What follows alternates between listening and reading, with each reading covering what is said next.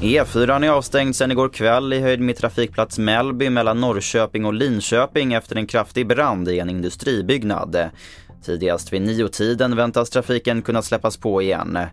När räddningstjänsten kom till platsen så var byggnaden övertänd och någonting exploderade inne i fastigheten. Närboende har evakuerats på grund av explosionsrisk. Det är fortfarande oklart vem som ska styra i många svenska kommuner.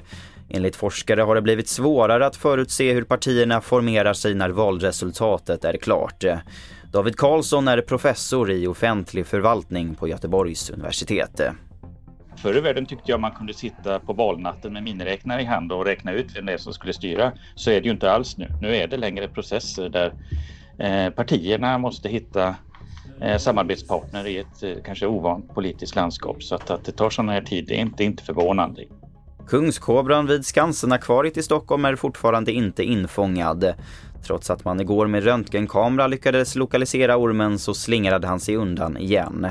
Det var ju förra veckan som ormen tog sig ut i terrariets innertak och sedan dess varit försvunnen.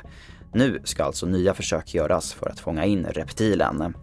Och det får sätta punkt för TV4-nyheterna. Jag heter Albert Hjalmers.